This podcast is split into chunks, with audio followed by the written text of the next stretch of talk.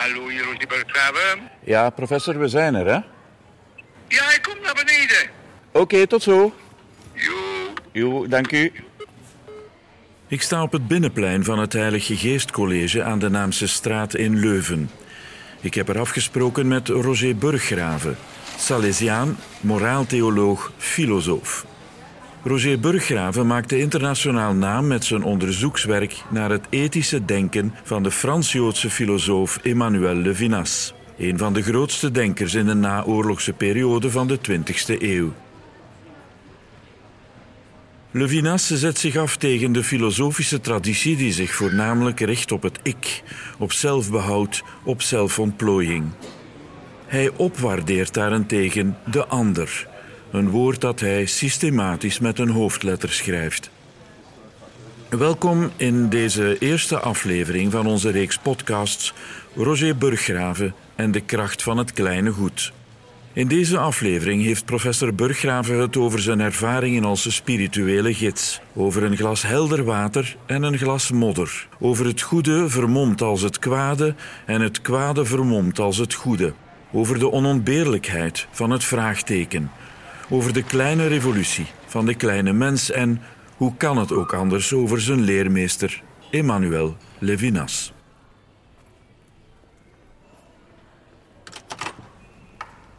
Kijk eens aan, kijk eens aan.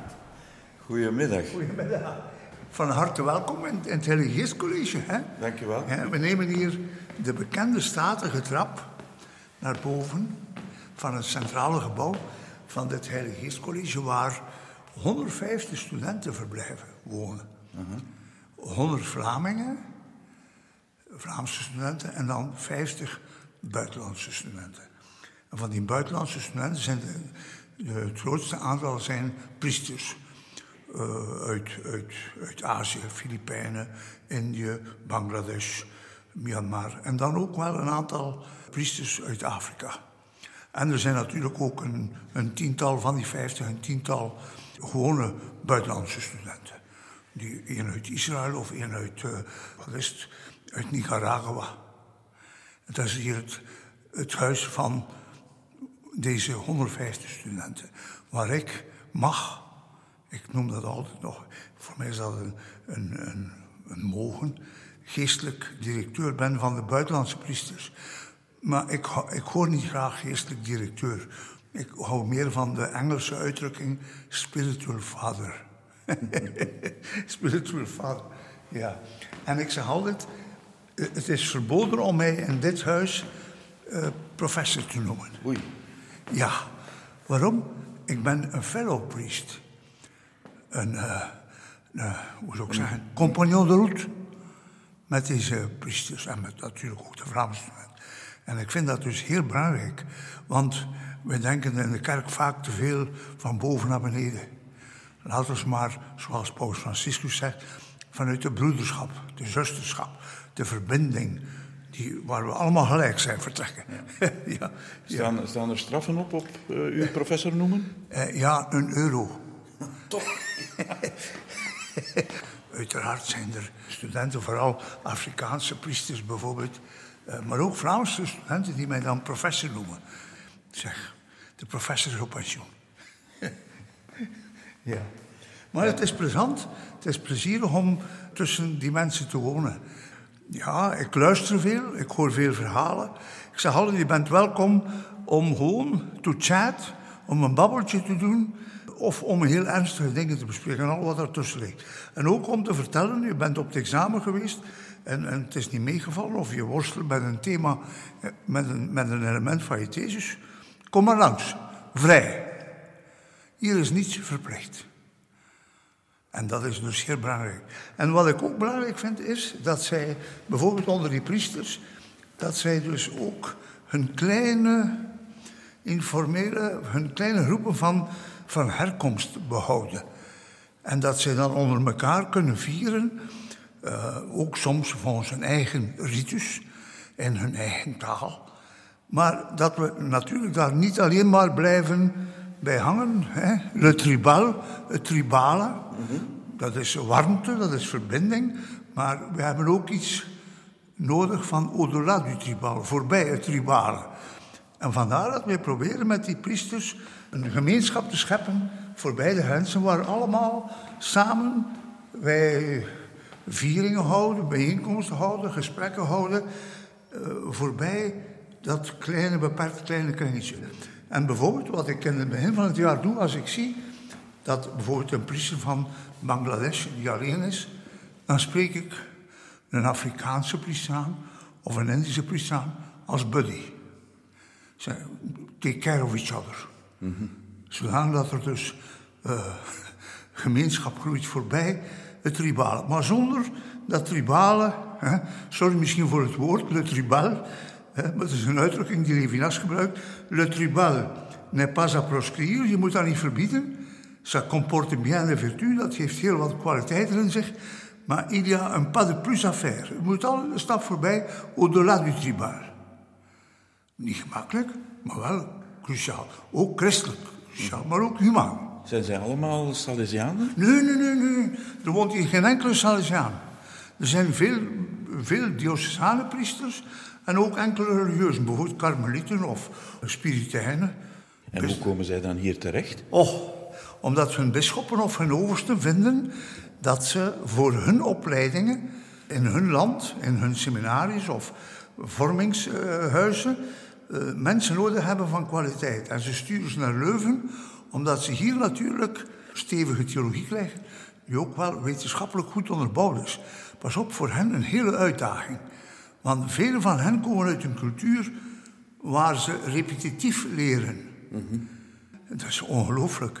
Die leerlingen staan recht en de meester begint op het bord te wijzen en dan herhalen ze alles wat gezegd wordt. En ze herhalen maar.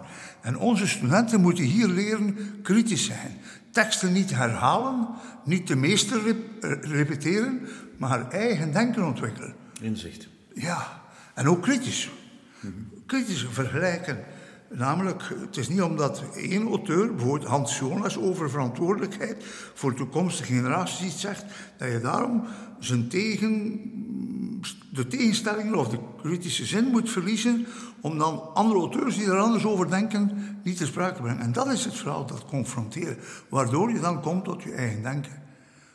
Pas facile, niet gemakkelijk, maar wel cruciaal voor de toekomst van de maatschappij, maar ook van de kerk.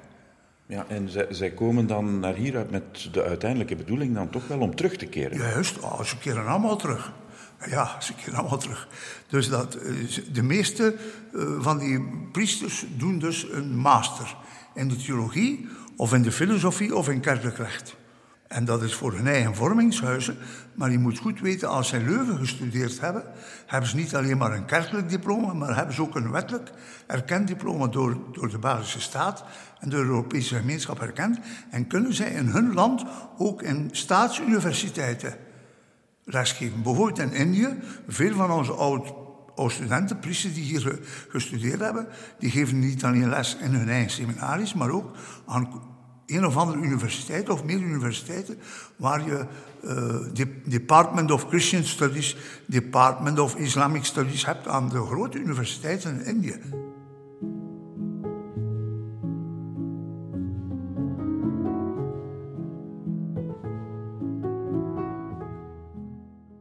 En we zijn hier nu, u noemt dat hier het geestje. Het ge wij noemen dat onder elkaar het geestje. De bar bijvoorbeeld heet voor de Vlaamse studenten Spirit Bar. Ja, daar doe, je, doe je spirit op. ja, maar, maar, weet je, als er geen humor meer is, dan is het erg gesteld. Ja. ja. En op deze gang woont u? Ik woon hier op deze gang. Uh, en als je uh, naar buiten kijkt, in de verte, ja. zie je op de Kim, het, heel de Kim is, rechts, is het academisch ziekenhuis. En ik sta daar dikwijls op te kijken, want dat is een formidabel zicht dat hier zoveel mensen niet alleen opgevangen worden, maar ook tot, tot goede artsen opgeleid worden, maar ook wetenschappelijk onderzoek doen. Ook waar, waar onze, onze, onze onderzoekers rond de virussen enzovoort actief zijn. En de infectieziekten enzovoort. Ja. Dus uh, ik vind dat dus heel belangrijk. En een van de belangrijke dingen van ons college is dat hier Monseigneur Lemaitre heeft geleefd. Je weet wel, de fameuze man van de Big Bang. Ja. op de hoogste verdieping, vooraan aan de straat, had hij zijn kamer. En hij ging natuurlijk werken aan de universiteit in de Naamse straat. Had hij op een andere plaats uh, zijn, zijn wetenschappelijke studieplek. Maar hier woonde hij. En wij vinden dus dat wij precies dat beeld van uh, het samengaan van geloof en wetenschap moeten uitdragen. En dat is een van de kenmerken van ons college. En dus we organiseren ook elk jaar een, een uh, Holy Spirit College Le Maître lezing. Om die verhouding tussen geloof en wetenschap sterk te maken, te, te stellen. Want al te vaak zeg maar, ja, geloof, dat is een beetje obscurantistisch of, of een beetje fundamentalistisch. Het zijn soms tegengestelden, hè? Geloof ja, ja, ja, ja. Terwijl in die persoon, en die heeft hier toch geleefd, hè, uh, ligt juist die verhouding op een, op een goede manier samen. En die twee mogen elkaar ook vinden en ook bevragen. En iemand die gelovig is, kan een zeer goede en moet een zeer goede wetenschapper zijn. En dat proberen wij ook aan onze priesters door te geven. Ook aan onze Vlaamse studenten uiteraard, maar ook aan onze priesters.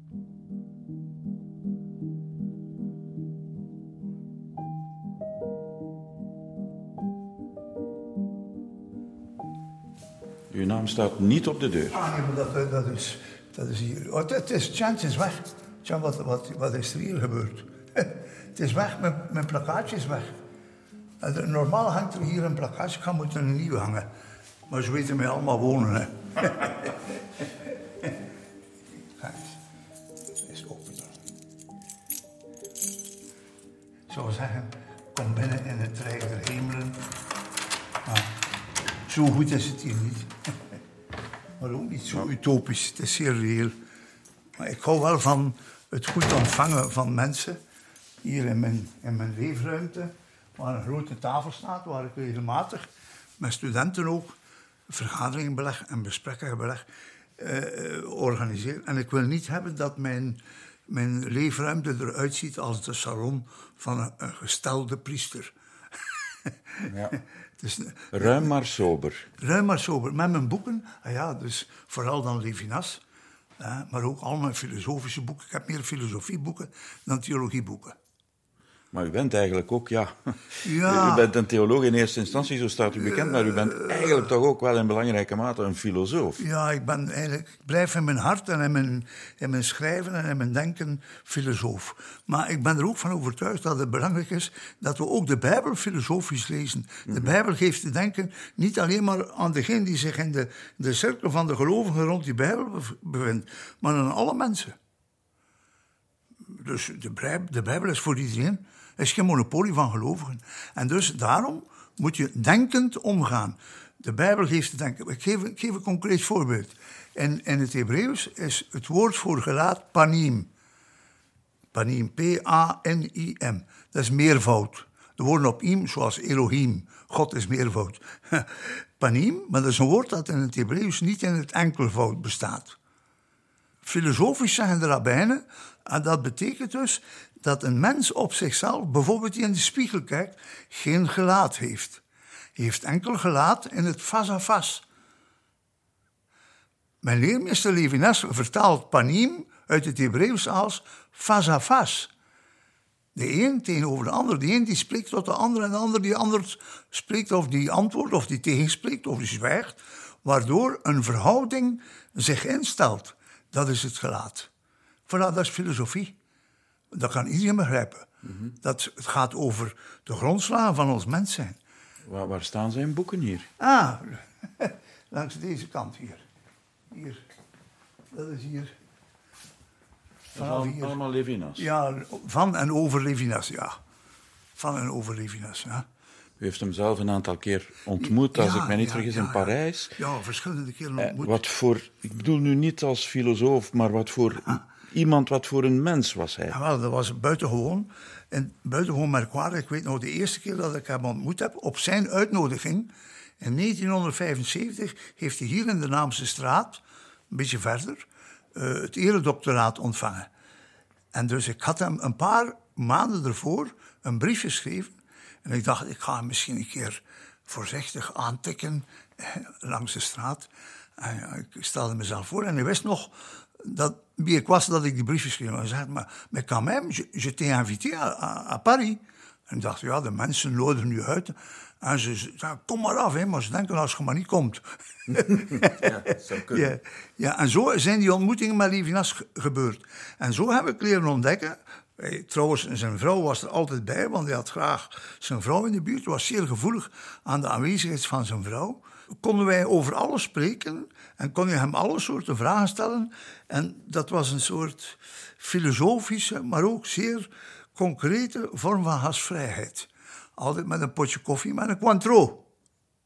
En met een stukje taart. Maar ook met het gesprek.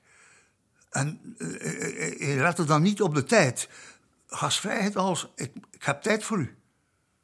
En geen capsones. En geen capsones. Ja, ja. ja, ik kon ook zeer kritisch zijn. Hè. Hij sprak mij ook tegen. En hij had ook de neiging om, als ik een vraag stelde, om een beetje tegen draad te zijn. Maar daar leerde ik het uit, meeste uit. En zo heb ik ontdekt dat zijn filosofie en dat Talmoedische denken, dat niet op de eerste plaats een soort confessionele benadering insluit of inhoudt, maar een wijsheid die voor alle, mensen is, dat het goed past bij wat wij als katholiek in de letterlijke zin van het woord kathollen voor iedereen proberen te denken. Niet in de eigen kleine kring als identitaire uitdrukking van wie ik ben en wat ik wil zijn om mij af te zetten tegen anderen, maar als open voor iedereen, dat iedereen met ons kan meegaan en wij met de anderen kunnen meegaan.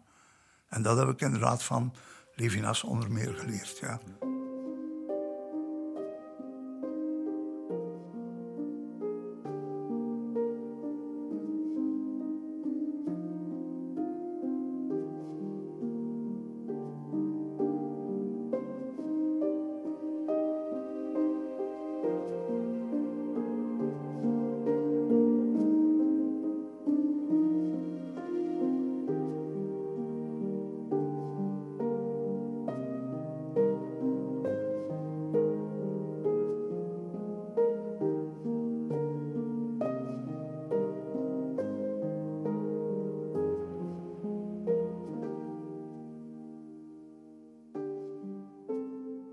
Ik vind zelf, als ik hem lees, ik vind hem moeilijk. Zeer moeilijk. Zeer moeilijk, ja. ja. Maar op een bepaald ogenblik heb ik ontdekt dat ik misschien beter ook zijn, zijn Talmoedische lezing, lectuur Talmudiek, las. Want daarin gaf hij commentaar, filosofisch doordenkende commentaar op Talmoedisch commentaren op de Bijbel. En dat was vaak aan de hand van verhalen, maar ook van uitspraken van rabbijnen of discussies van rabbijnen onderling. En daaruit kon je veel meer leren, want je zat helemaal op de eerste rij om zijn eerste reflectie te volgen. En in die filosofische werken was dat allemaal helemaal uitgebouwd in discussie met de andere filosofen. Terwijl in die Talmoedische lessen van hem kwam, kwamen dezelfde vragen en problemen en benaderingen aan bod, maar vanuit die commentaren op de commentaren, via de commentaren de discussie van die rabbijnen. En, en dat, dat, dat, dat gaf meer, en toen heb ik contact zijn, dat geeft meer toegang tot zijn denken dan alleen maar die filosofische werken. Levinas zei ooit in een van die maandagnamiddagen waar ik hem ontmoet heb, en waar we samen dronken en spraken, want ik was er altijd rond twee uur. En ik bleef daar tot vier uur, vier uur dertig. Dan had ik op tijd mijn trein terug om s'avonds terug in Leuven te zijn. Dat hij dus zei, je ne suis ni prophète, ni prêtre. Je suis un philosophe. Comme les, les talmudistes, comme les rabbins. Ik ben geen priester, ik ben geen profeet, maar ik ben een beetje een rabbijn of ra rabbijns zoals de rabbijnen, zoekend naar wijsheid voor iedereen. In welke mate was hij dan Jood? Oh ja, ja, hij was zeker Jood. Hij was zeker Jood, ook confessioneel en ook in zijn beleving, behorend tot de Joodse traditie, maar wel een kritisch doordenkende Jood. Ja. Maar dus, hij, hij, wilde nooit bestempeld worden als Joods filosoof. Alsof zijn filosofie Joods zou zijn.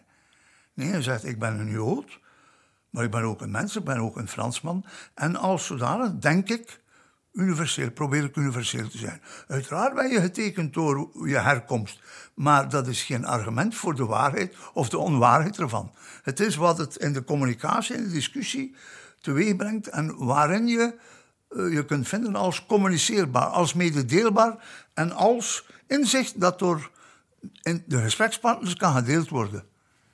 En dat is rabbijns, hè? Ja. En dat is eigenlijk ook filosofie.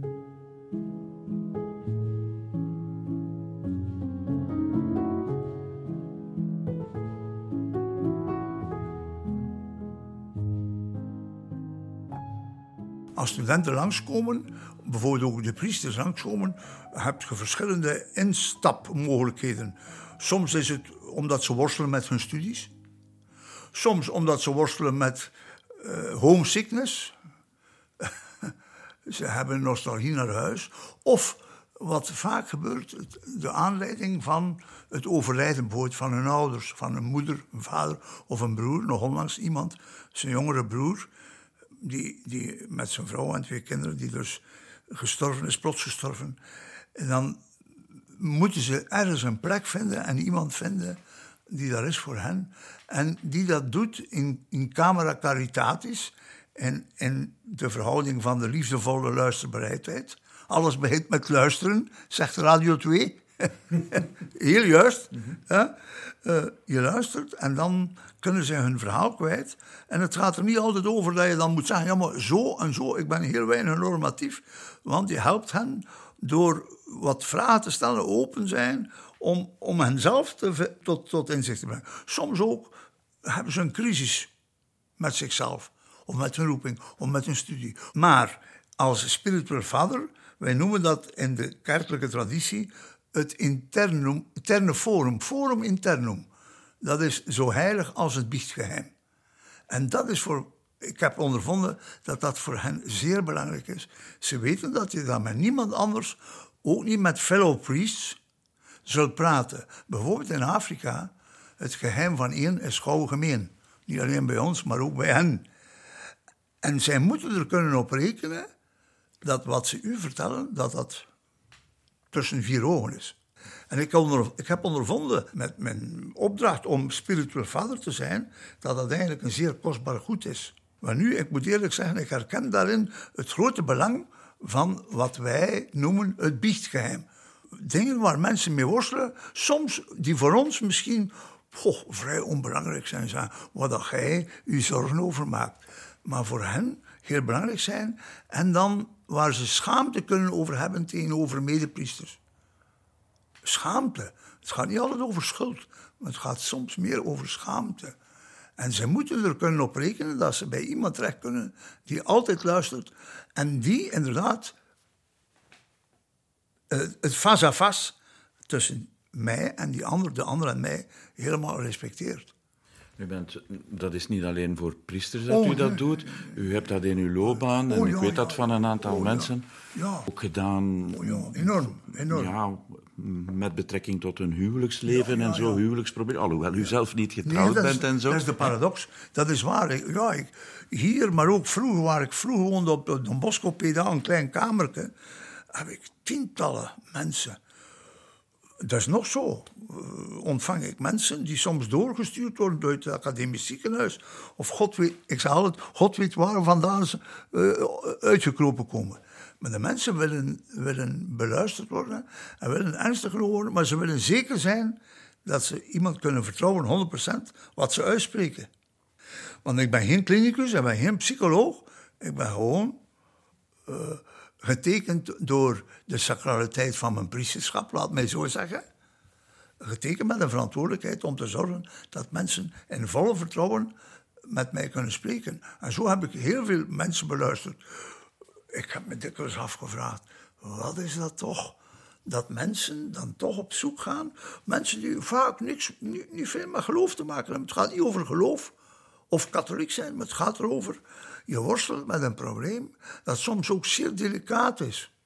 Dat ook soms al heel moeilijk is om uit te spreken. En je hebt iemand nodig die daar kan naar luisteren. En dan denk ik, ja, waarom komen ze bij mij? Je kunt daarvoor toch naar een therapeut gaan. Ja, maar een therapie is iets anders, want therapie is dan een methode zoeken om daarmee weg te kunnen. Maar je wil eerst je wil iemand vinden die je beluistert. En uh, dikwijls heb ik ondervonden dat mensen zeggen: Ja, maar weet je, ik weet het, jij bent priester. Ik ben wel niet gelovig, hè, En, en eigenlijk zegt me dat allemaal niet veel. En toch kom ik bij u, want ben een priester. Ik geef het eigenlijk, ja, ik geef het eigenlijk over. Ze durven het woord God niet te gebruiken. Ze hoeven het voor mij ook niet te doen. Maar is daar dus iets wat je, je, je vertegenwoordigt, wat ik zou noemen, een sacrale orde, het heilige.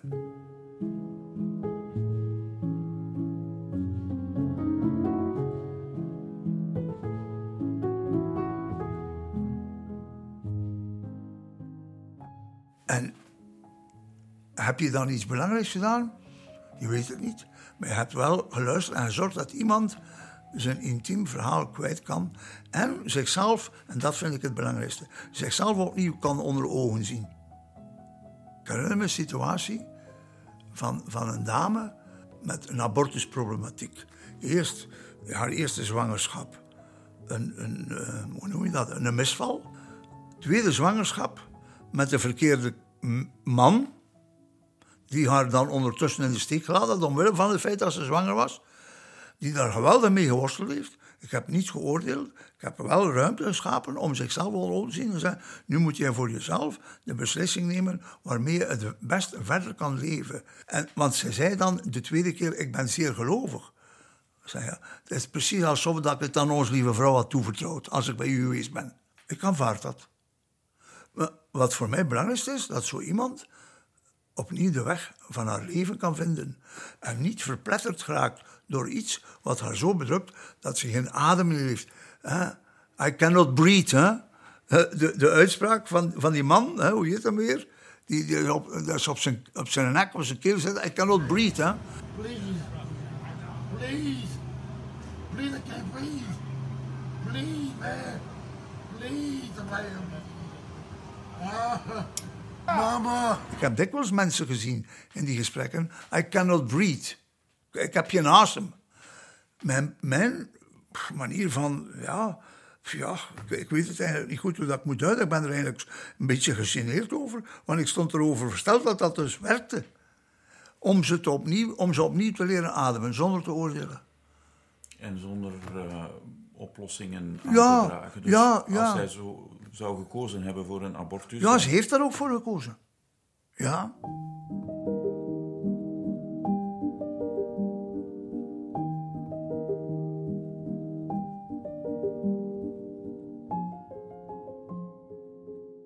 misschien is het gek om het te zeggen, maar ik heb regelmatig in die gesprekken met wildvreemde mensen, heb ik meer dan eens mensen aangeraden om te scheiden. Want het was niet meer menselijk. Ik herinner me een man, het ging niet goed tussen hem en zijn vrouw. En hij deed zijn uiterste best, omdat zijn vrouw altijd hem voor alles en nog wat bekritiseerde, ook als ze hier zaten. Ik was soms gloeiend kwaad als ze weggingen. Ik zeg, maar die heeft nu keer geen gerijntje begrip voor haar man. Het was nooit goed en die kon dus nooit voldoen aan wat zij van hem eiste om een goede man uh, te zijn en een goede vader. En, en, en, ik zeg, maar gaat er dan kapot gaan? Ik heb hem dan ook alleen gezien, ik had gezegd, ja, maar ik wil toch ook met, met u alleen eens spreken. Uh, ik zeg, nee, nee zo moet je niet voortdoen. Het is uw verdomde ethische plicht om voor jezelf op te komen. En die relatie is niet menselijk, menswaardig. Dus er, is, er kan een, een ethische plicht zijn om te scheiden. Nou, wat God verbindt. Ja, maar dat is onze belofte. Dat spreken we uit. Dat doen we onze. Zal een mens niet scheiden? De anderen moeten daar vanaf blijven. Maar het is geen karkan allee, veronderstel, veronderstel, die man blijft bij zijn vrouw. En die vrouw gaat door met hem te treiteren, met te intimideren, met hem te kleineren. Op den duur zijt je, je klaar voor de schroothoop of voor zelfmoord. Dat kan toch niet de inhoud zijn van de belofte? Dat kan niet. Dat, daar verzet ik mij met al mijn vezels tegen. Want dan maken we van de belofte van mensen zeggen: Ik kies voor u, wij kiezen voor elkaar, voor beter en voor worse. Daar maak je een karkan van, voor, die, die geen enkele voorwaarde in zich draagt. Uh, dan, dan, mag de grootste onmenselijkheid uh, gebeuren, want je hebt beloofd dat je niet meer zult weglopen. Ah nee, nee.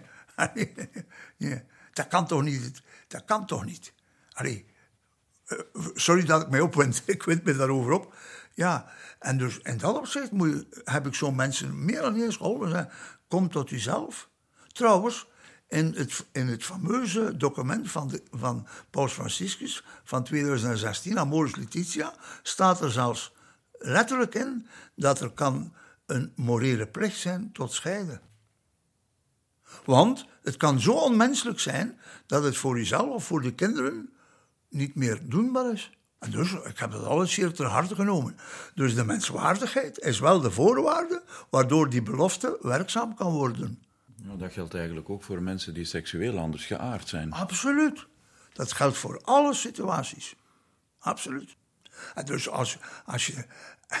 Als je ja, dan, dan ga je een soort uitwendige normativiteit hanteren. zonder de menselijke, de humaniteit als binnenkant en als voorwaarde. Dan denk je, als dat het geloof is, dan word ik liever ongelovig. maar ik ben ervan overtuigd dat dat juist het geloof niet is. Maar als iemand zegt dat is het geloof, dan ben ik een atheïst. Allee, dan, dan doe ik niet mee. Omdat ik vind dat dat juist tegen wat wij noemen God de rechtvaardige en de barmhartige ingaat.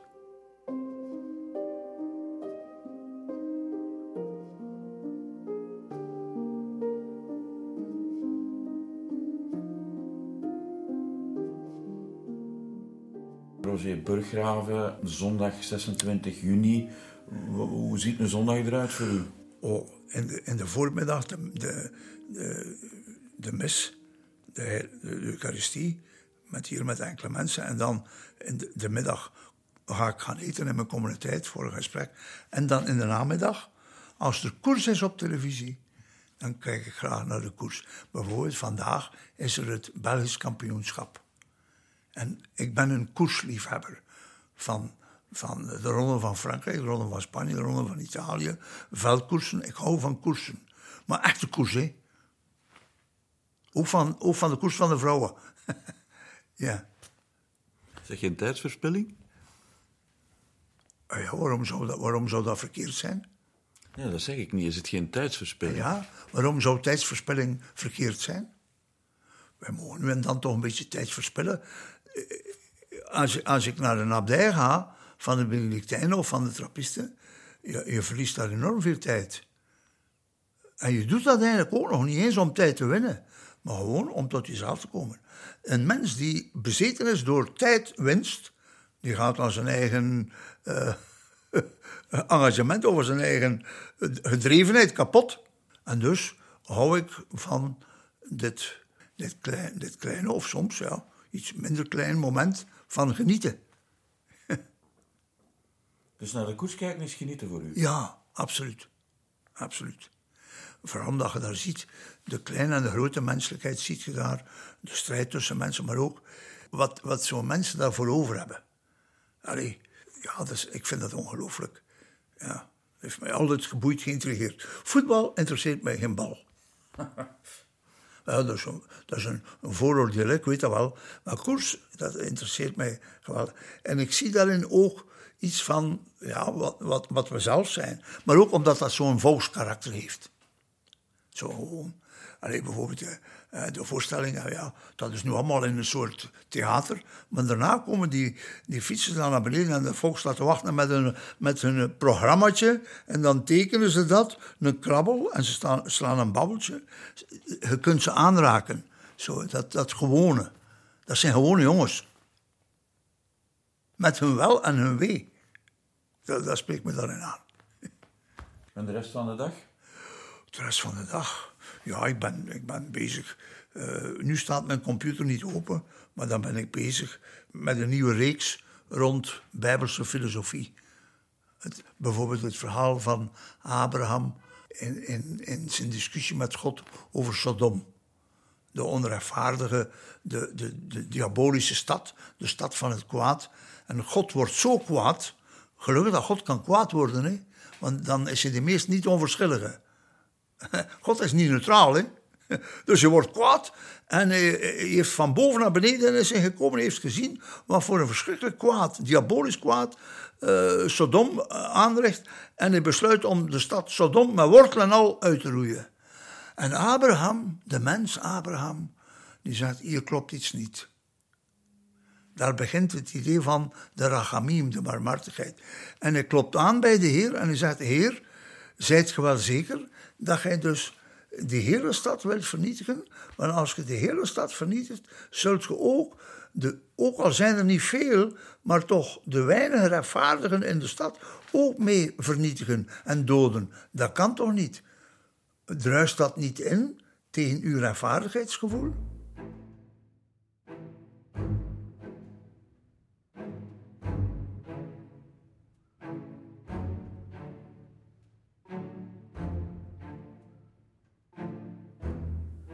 Rechtvaardigheid kan te radicaal zijn. Rechtvaardigheid is noodzakelijk, maar het kan meedogenloos zijn. En dan begint Abraham te zeggen, oh, ik weet het, ik ben maar van stof en as. Hè. Ik, ik, ben niks, hè. Uh, niemendal. Ik ben maar een klein prutsje van een mens. Maar als er nu in de stad 50 rechtvaardigen zijn, zou je dan bereid zijn om de stad te sparen voor die 50 rechtvaardigen? Je beseft natuurlijk, misschien zijn er geen 50, dan gaat hij naar 45. Misschien zijn er 40. En iedere keer zegt de Heer: Goed, als er 40 rechtvaardigen in de stad, grote stad Sodom zijn, zal ik de stad omwille van die 40 sparen. En Abraham komt uit bij 10. Als er 10 rechtvaardigen zijn, je kunt toch niet heel de stad uitroeien, want dan dood je ook de rechtvaardigen. Dat kan toch niet? Dat vind ik een fantastisch verhaal. De nood aan rechtvaardigheid, maar het, gevaar van de fanatieke rechtvaardigheid. Want uh, je maakt ze allemaal een kop kleiner. Dan zijn ze zeker dat het probleem opgelost is, maar je hebt wel de rechtvaardigen, ook al zijn er maar tien uitgeroeid. En dan besluit de Heer om de stad niet uit te roeien omwille van de tien rechtvaardigen. Als er in een stad tien rechtvaardige mensen zijn, kan heel de stad gered worden.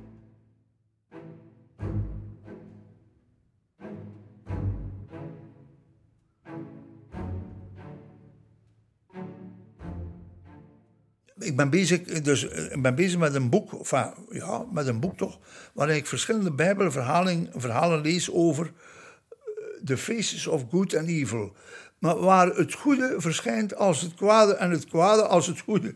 Allee, waar die twee niet, niet zuiver gescheiden zijn.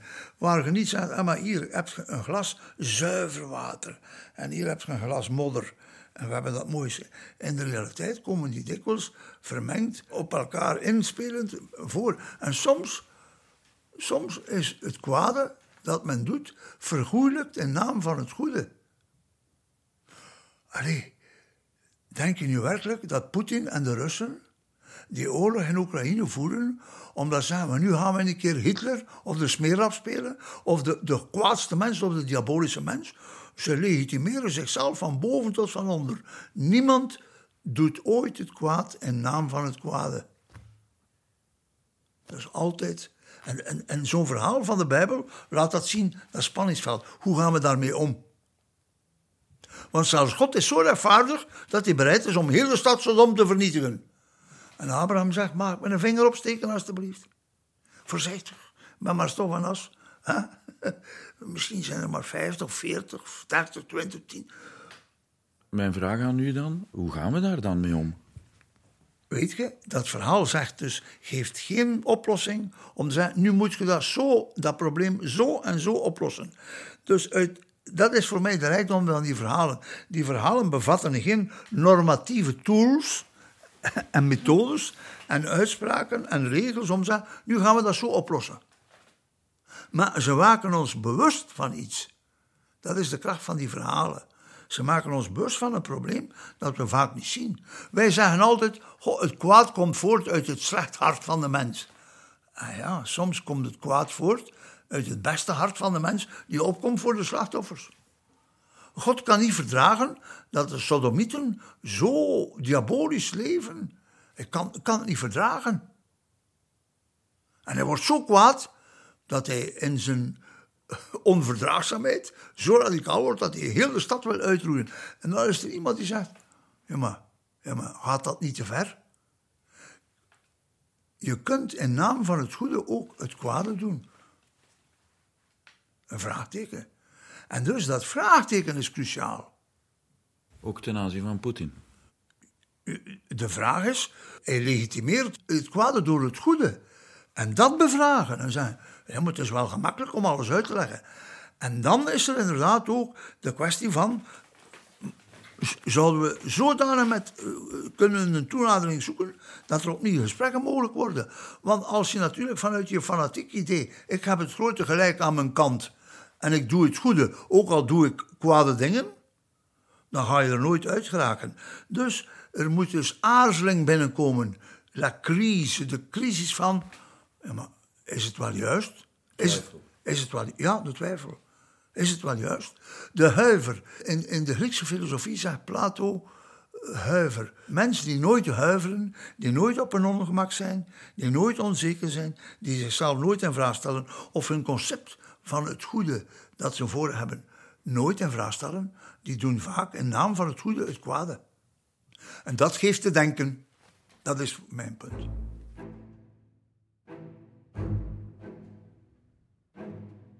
Maar tegelijkertijd bestaan goed en kwaad. Ja, ja, ja. ja. De MeToo-beweging bewijst het, de pedofilie-discussie bewijst het, dat we duidelijk beseffen, er zijn dingen waarvan we moeten zeggen, ça, ça va pas. Dat gaat niet. Niet, niet, halverwege of een beetje. Ça, ça va pas. Dat is duidelijk. Maar soms kunnen die principes dan gebruikt worden, of die verontwaardiging kan dan gebruikt worden om bepaalde dingen te organiseren of waar te maken.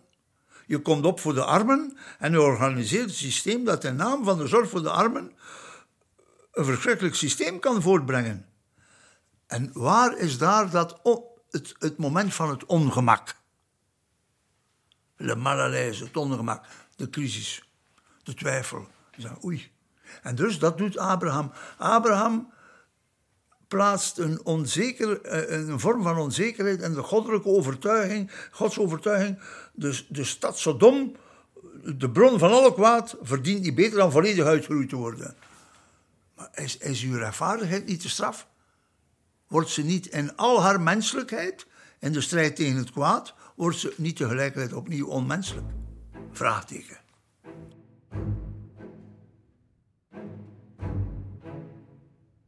Het probleem is in de maatschappij, zolang dat iemand denkt, ik heb het grote militaire of sociale of economische of nationale of identitaire gelijk aan mijn kant, dat zo'n mensen eigenlijk niet praten. Want ze hebben hun opstelling, hun, hun aanpak, hun strijd, zien ze als de strijd voor het goede. Allee, nazificatie, hè? Het is toch duidelijk dat is een woord vinden, een label vinden om te zeggen, maar het kwade zit bij de ander. En wij bestrijden het kwade met alle recht naar reden. Dus je hebt al, dan heb je al het gelijk. dit is een thema. Een van mijn studenten, die ondertussen een grote prof is geworden, is die Polfeit, die dat dus voor zijn doctoraat bestudeerd heeft. Namelijk hoe uh, er altijd in de geschiedenis legitimaties ontstaan van van onaanvaardbare zaken. Bijvoorbeeld de, de proeven op dementerende bejaarden of, of mentaal zieken, mentaal gehandicapt, personen met mentaal handicap, door het nazi-regime werden gelegitimeerd. Vanuit gezondheid, vanuit onderzoek, vanuit het welzijn van het eigen volk enzovoort. Je, bent, je vindt altijd wel argumenten. Maar hier zeg je, sorry, maar ça, ça va pas. Niemand is racist in eigen ogen. Ik ga van mezelf niet zeggen dat ik een racist ben. Want dan moet ik in eigen hart kijken en zeggen: misschien ben ik toch wel wat, nu en dan wat etnocentrisch in mijn taal of in mijn, mijn benaderen van mensen.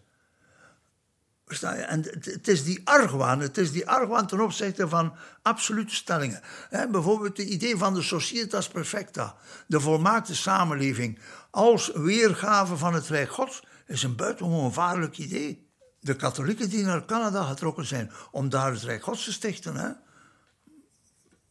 Met, met alles wat er daar in de slipstream gevolgd is. Maar men ging uh, naar, naar Ginder om werkelijk een soort christelijk Rijk Gods te stichten. Hè? Dat is buitengewoon gevaarlijk. Want dan is het een, een, een regime dat zichzelf altijd weer legitimeert en dat niet verdraagt dat het in vraag gesteld wordt.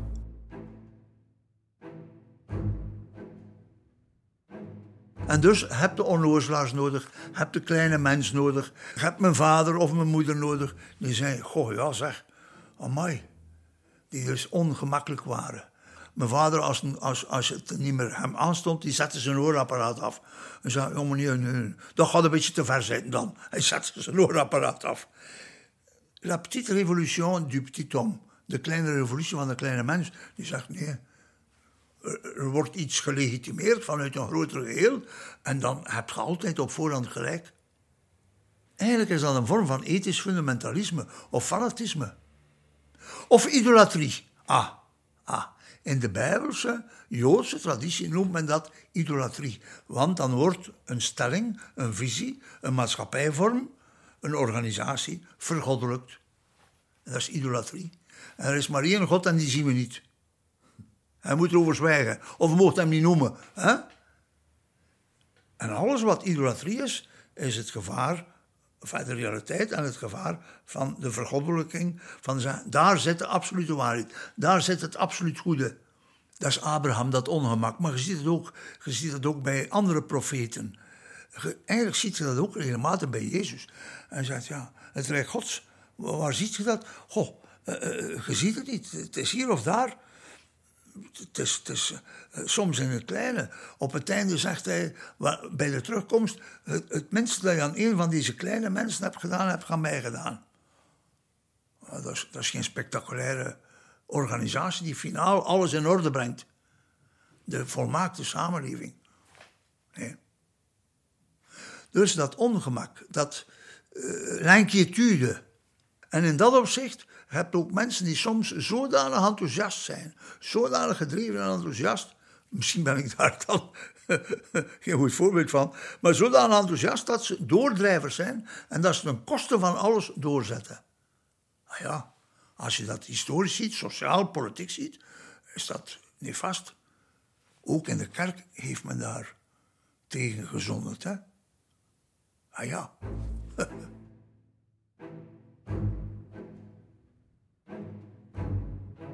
dan kun je alles lekker legitimeren. Maar je doet het in naam van God of in naam van het goede.